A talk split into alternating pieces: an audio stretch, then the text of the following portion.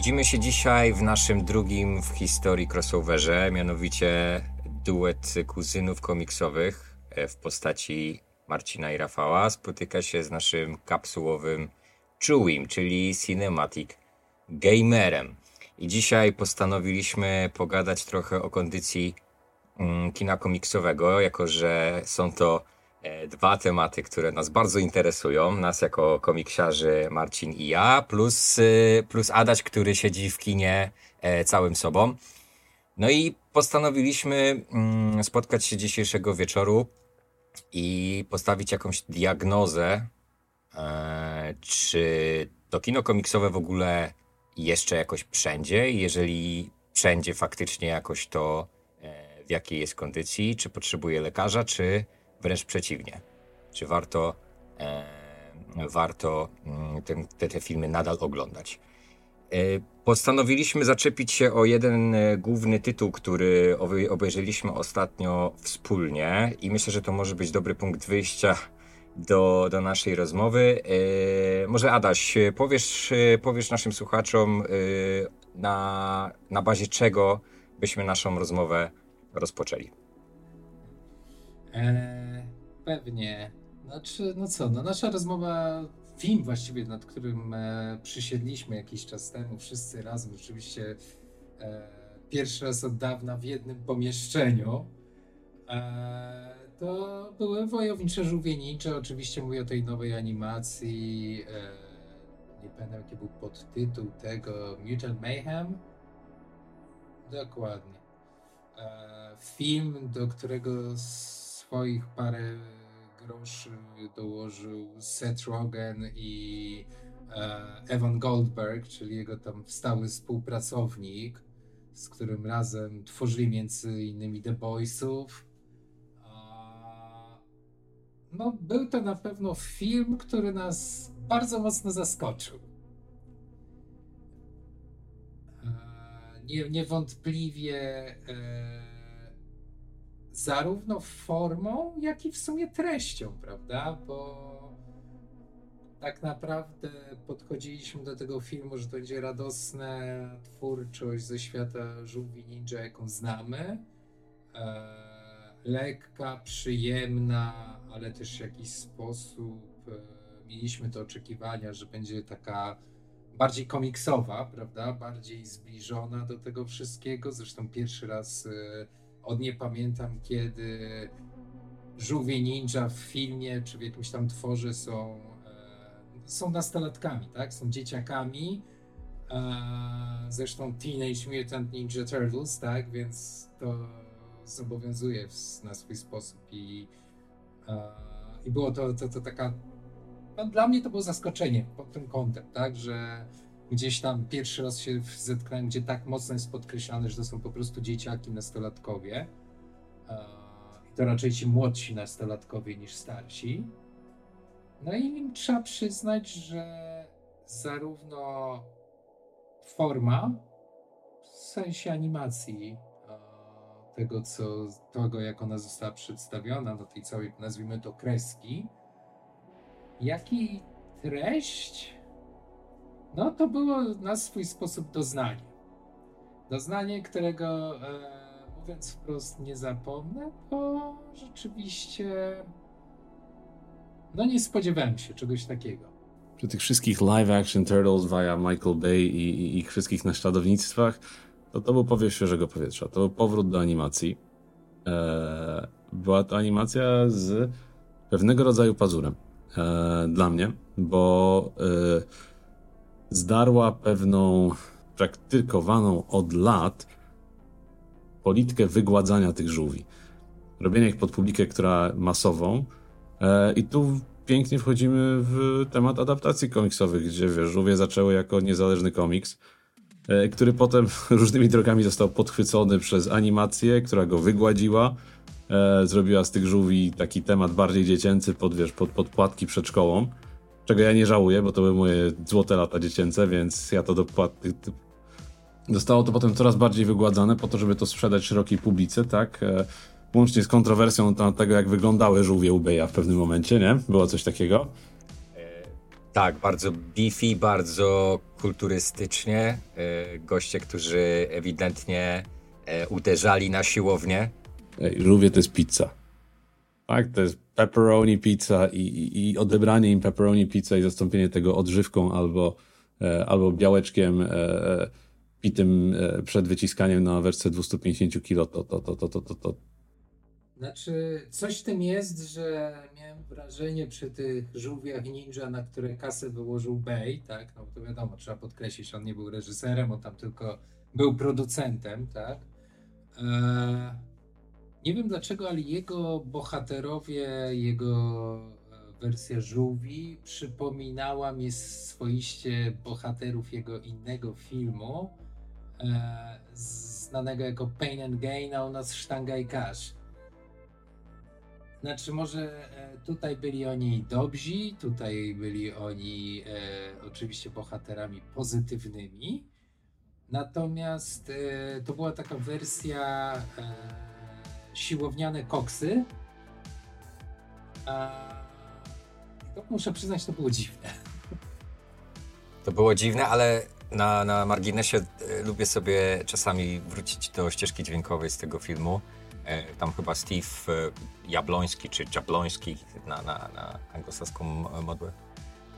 Tak, ale jest, jest, to, jest, to, jest to tendencyjny soundtrack, ale bardzo mi, się, ba- bardzo mi się podoba. Jakoś tak lubię do niego sobie wrócić. I to chyba był jedyny taki, mm, taki e, element tych filmów, który jakoś tak został ze mną, bo same filmy gdzieś tam po prostu szybko o nich zapomniałem, nie? E, no dobra, ale wracając do tych e, najnowszych, e, najnowszych żółwi. E, Marcin, a co masz na myśli mówiąc, że, że one nie zostały, że jakby przerwały tą, tą, ten, tą tendencję wygładzania żółwi? Możesz powiedzieć coś więcej? Bo one wróciły, wiesz co, one wróciły do, e, jak dla mnie, oryginalnej formy. Kreską, e, właśnie, już nie są to żółwie live action, tylko to są żółwie kreskowane. To są żółwie, które są grane w klatkarzu, który powoduje, że wiesz, że to jest animacja, a nie, wie, a nie animacja udająca live action, czy też to była jedna z tych rzeczy. Do tego potraktowano ich. Był to, znaczy, pewnie był to reboot jako reboot e, formalny, ale był to, był to reboot jako po, w formie powrotu do, e, do tego wizerunku z początku lat 90. i nawet wcześniej. Więc masz nawiązania do oryginalnej serii, tak? Jest Mondo Gecko. Spoiler alert, jest Mondo Gecko. E, są postacie, tak? Jest Manta, są takie postacie poboczne, są smaczki. Ja wiem, że to się teraz robi marketingowo na zasadzie, wiesz, e, tak jak się, nie wiem, e, robi soundtrack do Guardiansów, żeby wycisnąć jak najlepsze rzeczy z, z muzyki, ale do mnie to śpiewało. To była pewna gra na nostalgii pewnie. Rogan genialnie gra na tego typu e, e, emocjach e, i tego typu wabikach. A jednocześnie było to spójne. Było to spójne wizualnie. E, wartko się to oglądało. I dlatego no, odstaje to od kategorii, którą są żółwie obecnie. Także, znaczy były żółwie obecnie. Znaczy, e, wiesz, faj, fajnie to tak określiłeś, że swoiste granie na nostalgii. Zgadzam się z tym w pełni. Natomiast e, też fajnie to nawiązuje do tego, że właśnie granie na nostalgii ono ma różne wymiary, tak? Znaczy, niektórzy potrafią to robić, gdzie e, to granie na nostalgii ma być swoistym takim podkreśleniem. Słuchajcie, szanujemy ten materiał źródłowy, który kochacie. E, naprawdę go solidnie obcykaliśmy sobie. I teraz my dodajemy coś od nas do świata, który kochacie. To na przykład robi Gun, prawda? Chociażby wykorzystując te odpowiednie utwory, grając na pewnych fajnych nutkach i tak dalej, i tak. Tak było też e, w paru innych adaptacjach. I właśnie to jest też w żółwiach, tak? Że w sensie od y, tych żółwiach e, Rogena. One, one czerpią garściami z tego, co kiedyś było, z tego, co był swoistym takim origin w ogóle żółwi, tak?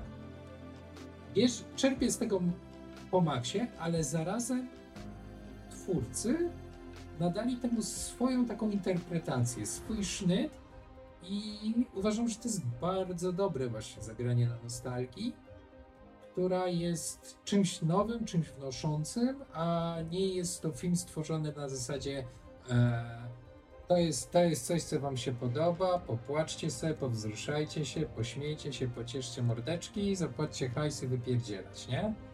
Tylko to jest jednak, to, to nie był ten rodzaj filmu, to, był raczej, to było raczej kino, które chciało opowiedzieć swoją historię. Tak, i to nie był taki bezmyślny fanserwis, nie? Tak. który często widać, no nie wiem, na przykład... Epizod e, siódmy? Na, na przykład, dokładnie, Star Warsy są świetnym przykładem na to, jak bardzo można zwalić fanserwis.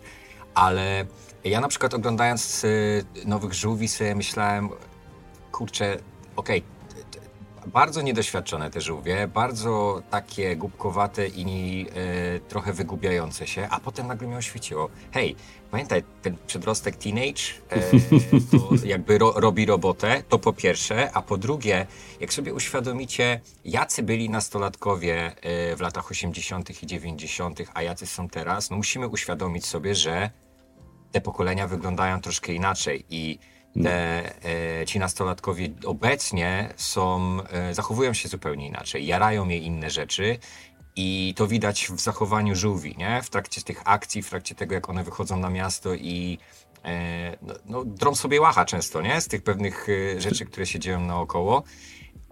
I to jest coś, co ja, ja trochę się od tego odbiłem, bo to już nie jest moje pokolenie, Mhm. ale zrozumiałem konwencję, zrozumiałem, co, co twórcy chcieli przekazać i to, jest, to są żółwie dla nowego pokolenia i, i ja to kupiłem. Koniec Ty- końców to ty- bardzo kupiłem. Tylko, że wydaje mi się też właśnie warto podkreślić to, co. Bo to jest właśnie to, co powiedziałem wcześniej, nie? Że jest szacunek do materiału źródłowego, więc Mhm. my, jako te s- stare dziadki, tak to nazwijmy, bo dla osób, dla których, dla tego nowego pokolenia, dla osób, dla których ten film został stworzony, my już jesteśmy starymi dziadkami i, e, i bądźmy ze sobą szczerzy, bo tak jest. E, natomiast to był film, który tak, grupą, my już nie byliśmy jego grupą docelową, Mhm. nie był on w pełni dla nas zrobiony, ale Jasne. on był też zrobiony z pamięcią o nas. Że my, mimo że to nie była początek stylistka dla nas, to nie był sposób, e, w jaki myśmy się zachowywali, jak my byśmy to widzieli, jaki był e, w czasach, kiedy myśmy byli nastolatkami. Natomiast to było tak fajnie e, zrobione z myślą też właśnie o nas, nawiązując chociażby do tych różnych starych postaci, przedstawiając różne wydarzenia, tak, że my po pewnym przebiciu się przez ten, ten początkowy mur, jakim jest forma, której nie, nie kumamy, myśmy się mogli w tym odnaleźć, tak? Plus, plus jeszcze, przepraszam, jedna rzecz, bardzo ułatwiały nam to kawałki muzyczne, które zostały wykorzystane. No, o muzyce można napisać tonę. E, ja tylko nawiążę do, do tego, co ty powiedziałeś kulinarnie, wiesz, masz po polsku to określenie odgrzewany kotlet i Gwiezdne Wojny niestety w kinowe są takim odgrzewanym kotletem, te nowe, e, ale masz też bigosik. To jak go odgrzejesz, to jest za każdym razem, za każdym razem lepszy i sztuką jest zrobić taki bigosik filmowy, a nie kotleta. E, a to, co powiedziałeś, chodzi o szacunek do materiału źródłowego, jednocześnie danie czegoś od siebie. Eee, jest to sztuka, jest to trudne, ale jest to do zrobienia. Żółwie to pokazały. Eee, ja mam genialny przykład ze świata literatury. Jest taka pani, nazywa się Margaret Atwood. Eee, I nasi słuchacze pewnie znają ją z eee, adaptacji jej powieści, czyli Pamiętnika Podręcznej. A Atwood jest taką pisarką, która, którą bardzo mocno parli, żeby dostała Nobla. Jest takim e, trochę polskim Żeromskim, znaczy kanadyjskim Żeromskim, który tego Nobla raczej pewnie nie zobaczy. Jak Atwood zobaczy Nobla, to będzie on genialnie, konkretnie zasłużony, bo babka jest e, bardzo zdolna e, i tworzy piękne rzeczy i napisała coś za Penelopiadą. Czyli interpretacja mitu Odyseusza z punktu widzenia Penelopy. Jest to tak genialne, ja to czytałem, e, ja to zamknąłem jednym e, w jednym posiedzeniu, bo było to tak wciągające. i było to napisane z szacunkiem do materiału źródłowego. Było to jednocześnie dodanie kompletnie nowej perspektywy, która ani nie e, osądzała, ani nie rozwalała tego materiału źródłowego. To nie, była reinwen- e, to nie było od, od, ponowne wynalezienie koła, czyli coś, co Marvel ostatnio bardzo lubi robić, tak w MCU. Ale to jest, wiesz, to jest szacunek do materiału źródłowego, który, który jednocześnie daje ci coś, znaczy inaczej, patrzysz z nową perspektywą i szacunkiem materiału źródłowego i trzymasz się w pewnych ryzach i wychodzi z tego coś mega fajnego. No, szkoda, że twórcy Asoki tego nie potrafili. Au! Shots fired, shots fired. Ale podzielam, podzielam zdecydowanie. Ale jeszcze wracając do, do żółwi Tak. i No. Adaś, Adaś wspomniałeś o, o formie. Ja, y, ona faktycznie była, y, ta animacja była bardzo dzika. Mhm. Do, y, nie wiem, bardzo mi się kojarzyła z tą z, ze, z Spidermana Tak, i y, Across the Spider-Verse z racji, z racji uży, ilości użytych klatek, tak, no bo one, y, żeby oddać tą y, taką, wiecie, charakterystykę, taką i, ideę komiksu, co mi się bardzo podoba, no to twórcy i tu, i tu użyli tej, ja nie wiem, tam chyba jest 24 klatki? Dobrze Nie, tam jest 15. 15 albo 18. 15 jeszcze mniej. Nie, 24 to jest kinowe, nie? A To jest kinowa, Tak. a dobrze, to przepraszam. była 15 albo 18. Ale mam jeszcze wrażenie, że y, żółwie były bardziej psychedeliczne przy tym, nie? Mhm. E, Tam, co się działo e, kolor, kolorami i tym, co w ogóle się o- odwalało tam na, na ekranie, to po prostu czasami to, to oczopląsy szły, nie? I e, było dziko, ale jednocześnie jak już, y, jak już y, wszedłeś w konwencję, to ja tak sobie z perspektywy czasu, jak myślę teraz o tej bajce, o tej animacji, to ona mi weszła tak wizualnie i to mocno, nie? Ale trzeba było chwili, żeby się przyzwyczaić. E, tu się z tym, z tym się zdecydowanie, wiesz, y, zgodzę. Natomiast to, co mnie jeszcze dodatkowo zaskoczyło w tej konwencji, bo zgadzam się w pełni z tą animacją, która na swój sposób na dzień dobry była niespodziewana i trudna, bo momentami miałem wrażenie, że te obrazki to mi się aż w mózg wrzynały. Tak. E, jednak kiedy przyzwyczaiłem się do tej stylistyki, to tak, to, to mega mnie to wciągnęło, ale zarazem mam takie poczucie po seansie, e, bo trochę mi e, czasu musiało upłynąć, zanim zebrałem z tym myśli, Mhm. co tak naprawdę sądzę o tym filmie. To wiesz co, to mam takie swoiste poczucie, że to był na swój sposób strasznie mroczny film. Mhm. I To prawda. dodatkowo pod płaszczykiem tych żartów, żartów, żarcików, tego takiego e, jesteśmy młodzi, mamy wywalone na wszystko, lekko, lekko duchy, te sprawy. E, wbrew pozorom był to swoisty film o tym, jak one sobie, one w sensie oni właściwie, żółwie, tak? E, muszą sobie radzić w społeczeństwie, które ich nie chce, bo tak naprawdę spod tego całego wachlarza tych żartów, śmiechów, chichów wynika, o, wynika historia nastolatków, którzy odstają od swoich rówieśników i no i są tacy samotni w tym wszyscy i nie potrafią się odnaleźć we współczesnym świecie.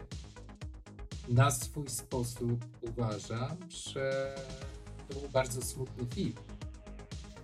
Masz rację i on w ogóle, to, to, te, ten aspekt wykluczenia chyba najbardziej ze wszystkich iteracji żółwiowych ogrywa, bo e, pamiętacie filmy, filmy z lat 90., to tam tylko tak naprawdę było sygnalizowane, nie? że oni gdzieś tam w tym roku sobie e, funkcjonują.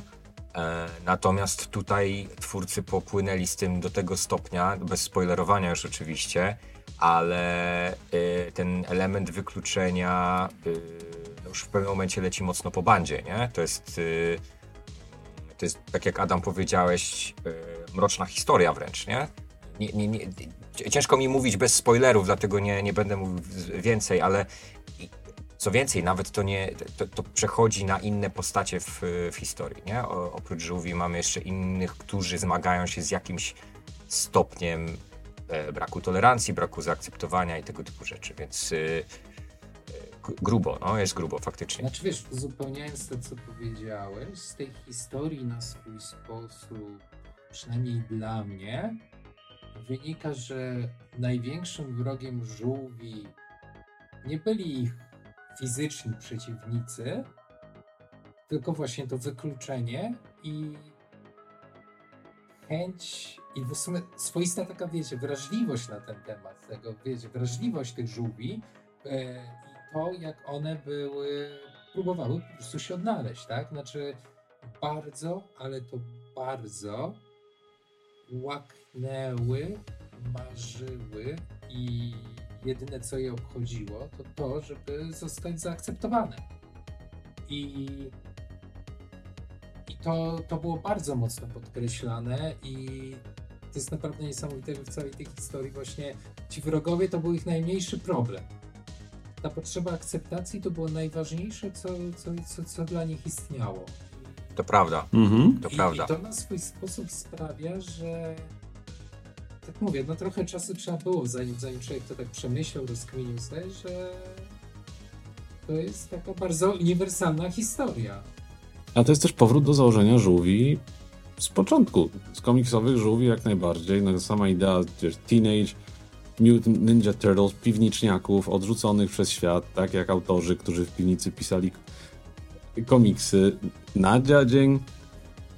Ale to jest historia, która sama się pisze, tak? Tak samo jak, e, wiesz, no znowu będę wracał do tego Marvela nieszczęsnego, ale e, X-Meni tak samo są przecież historią o wykluczeniu. Pewnie, że tak. Oczywiście. I przecież Bądźmy z sobą szczerzy, pierwsza część X-Menów Singera e, bardzo mocno zwracała na ten aspekt e, uwagę, wręcz cały czas to podkreślała i z takiego e, komiksowego akcyjniaka, tak, była naprawdę solidna historia o wykluczeniu. Bo później kolejne części już tak mocno to nie, cisk- nie naciskały. Może jeszcze tam e, X-Men 2 e, rzeczywiście też poruszało gdzieś ten temat.